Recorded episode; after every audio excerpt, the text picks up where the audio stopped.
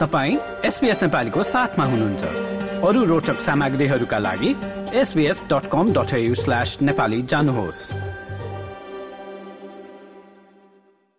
अहिलेको लागि भने लागौं आज फेब्रुअरी तेइस तारीकको पछिल्लो एसपीएस समाचार सुन्नतर्फ।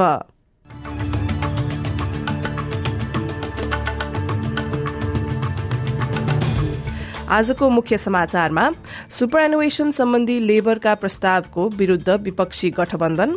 नेपालको बाजुरा जिल्लामा बुधबार दिउँसो लोकल म्याग्निट्युड बुधबार दिउँसो पाँच दशमलव दुई म्याग्निट्युडको भूकम्प र खेलकुदमा ताजमेनियाको होबार्टमा निर्माण हुन गइरहेको नयाँ रंगशालाका लागि छत्तीस करोड़ डलरको घोषणा।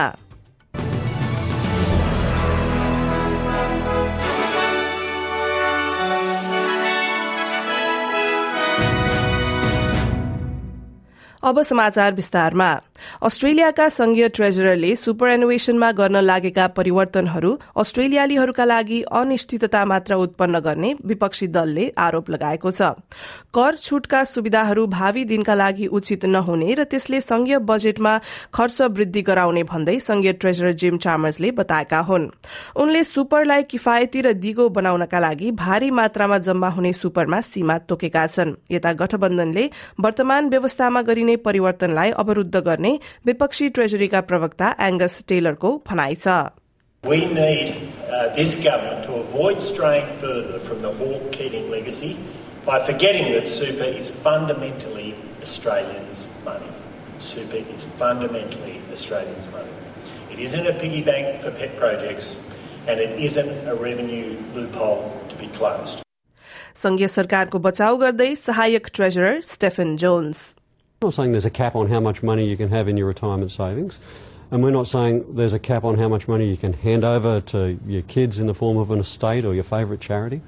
I'm not saying that at all. What we're saying is there is a legitimate question to be had about how much the Australian taxpayer, through the budget, subsidises your retirement savings through generous tax concessions on savings placed inside superannuation.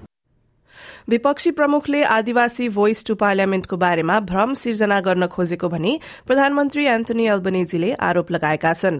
आज राति एडिलेडमा यस campaign शुरू हुनु अघि उनको यस्तो भनाइ आएको हो।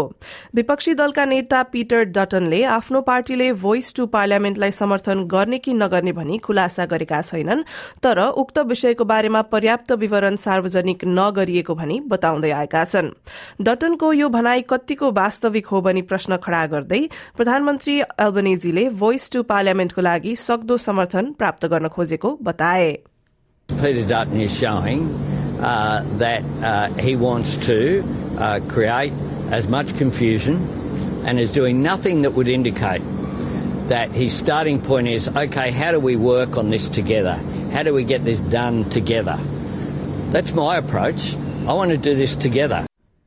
सन् उन्नाइस सय अठासीमा सिडनीको नर्दर्न बीचेसमा भएको अमेरिकी गणितज्ञको मृत्युको विषयमा स्कट व्हाइटले ज्यानमारा अभियोगलाई स्वीकारेका छन्।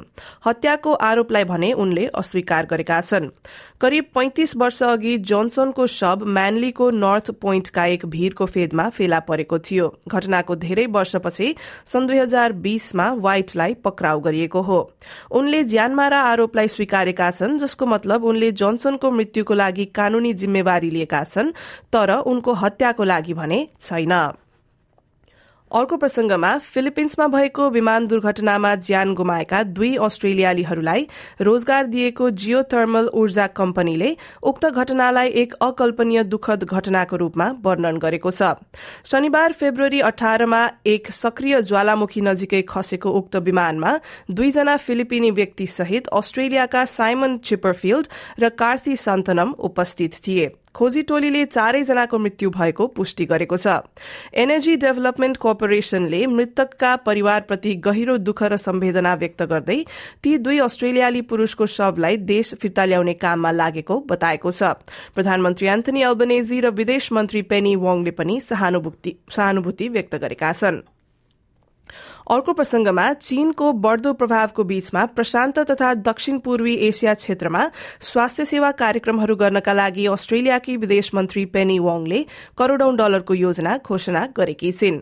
बैसठी करोड़ डलर बराबर उक्त पाँच वर्षीय योजनामा मधुमेह र क्यान्सर जस्ता नसर्ने रोगहरूको रोकथाम र नियन्त्रणदेखि खोप विकासमा काम गरिनेछ।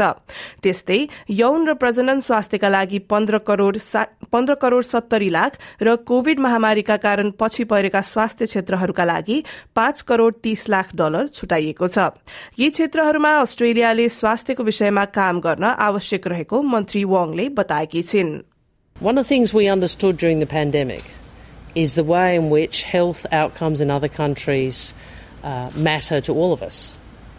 Uh, and they matter to those communities, they matter to national economies, uh, and they matter to regional stability.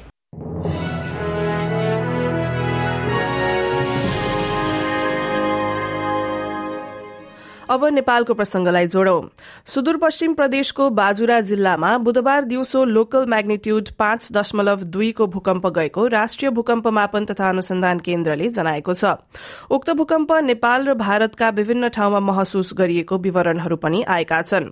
राष्ट्रिय भूकम्प मापन तथा अनुसन्धान केन्द्रका अनुसार भूकम्प दिउँसो एघार बजेर पैंतालिस बजे एघार बजेर पैंतालिस मिनट मिनटमा मापन गरिएको बीबीसी नेपाली सेवाले जनाएको हो।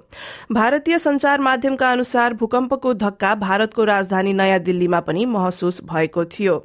माघ महिनामा बाजुरामा केन्द्रबिन्दु भएका दुईवटा भूकम्प पनि मापन भएका थिए। अब केही अन्तर्राष्ट्रिय प्रसंगमा पापुवा न्यू गिनी पीएनजीमा अपहरणमा परेका चारजना मध्ये एकजनालाई रिहा गरिएको छ। एक अस्ट्रेलियाली प्राध्यापक भने अझै बन्धकमै छन्।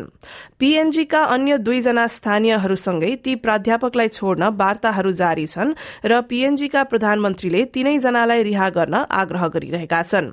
सो दुर्गम क्षेत्रमा फिल्ड वर्क गरिरहेको समयमा उनीहरू हेला र सदन हाइल्याण्ड प्रोभिन्सको सीमा क्षेत्रमा अपहरणमा परेका हुन्।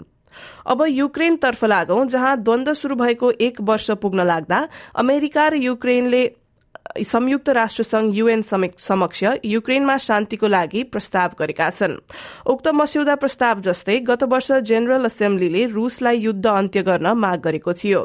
हालको प्रस्तावमा रूसलाई युक्रेन छोड्न र तत्काल युद्ध विरामको मागसँगै सबै पीड़ितहरूको लागि न्यायको माग पनि गरिएको छ।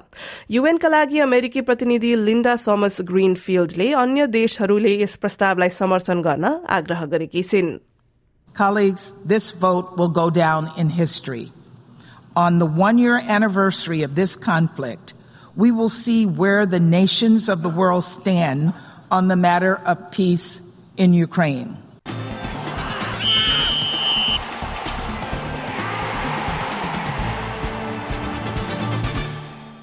अब आजको खेलकुद समाचारमा टाजमेनियाको होबार्टमा निर्माण हुन गइरहेको नयाँ रंगशालाका लागि छत्तीस करोड़ डलरको घोषणा गरिने बताइएको छ।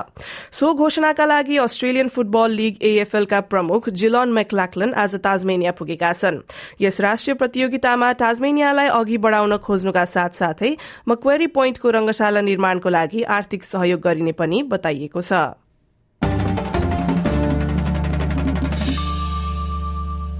अब आजको विदेशी मुद्राको विनिमय दर र एक अस्ट्रेलियाली डलर बापत आज नेपाली नब्बे रूपियाँ पचपन्न पैसा अडसठी अमेरिकी सेन्ट र चौसठी युरो सेन्ट प्राप्त हुनेछ।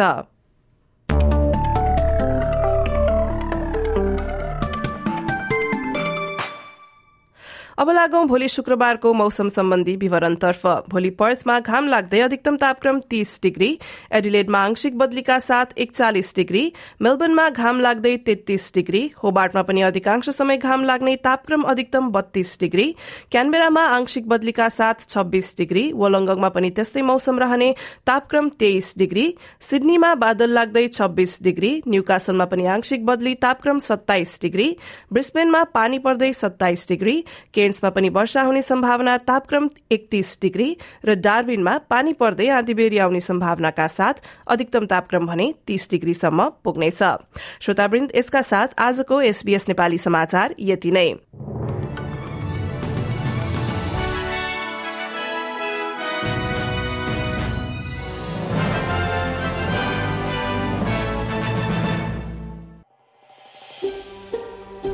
यो जस्तै अन्य प्रस्तुति सुन्न चाहनुहुन्छ? एप्पल पोडकास्ट गुगल पोडकास्ट स्पोटिफाईमा हामीलाई खोज्नुहोस् वा तपाईँले पोडकास्ट सुन्ने अन्य सेवामा।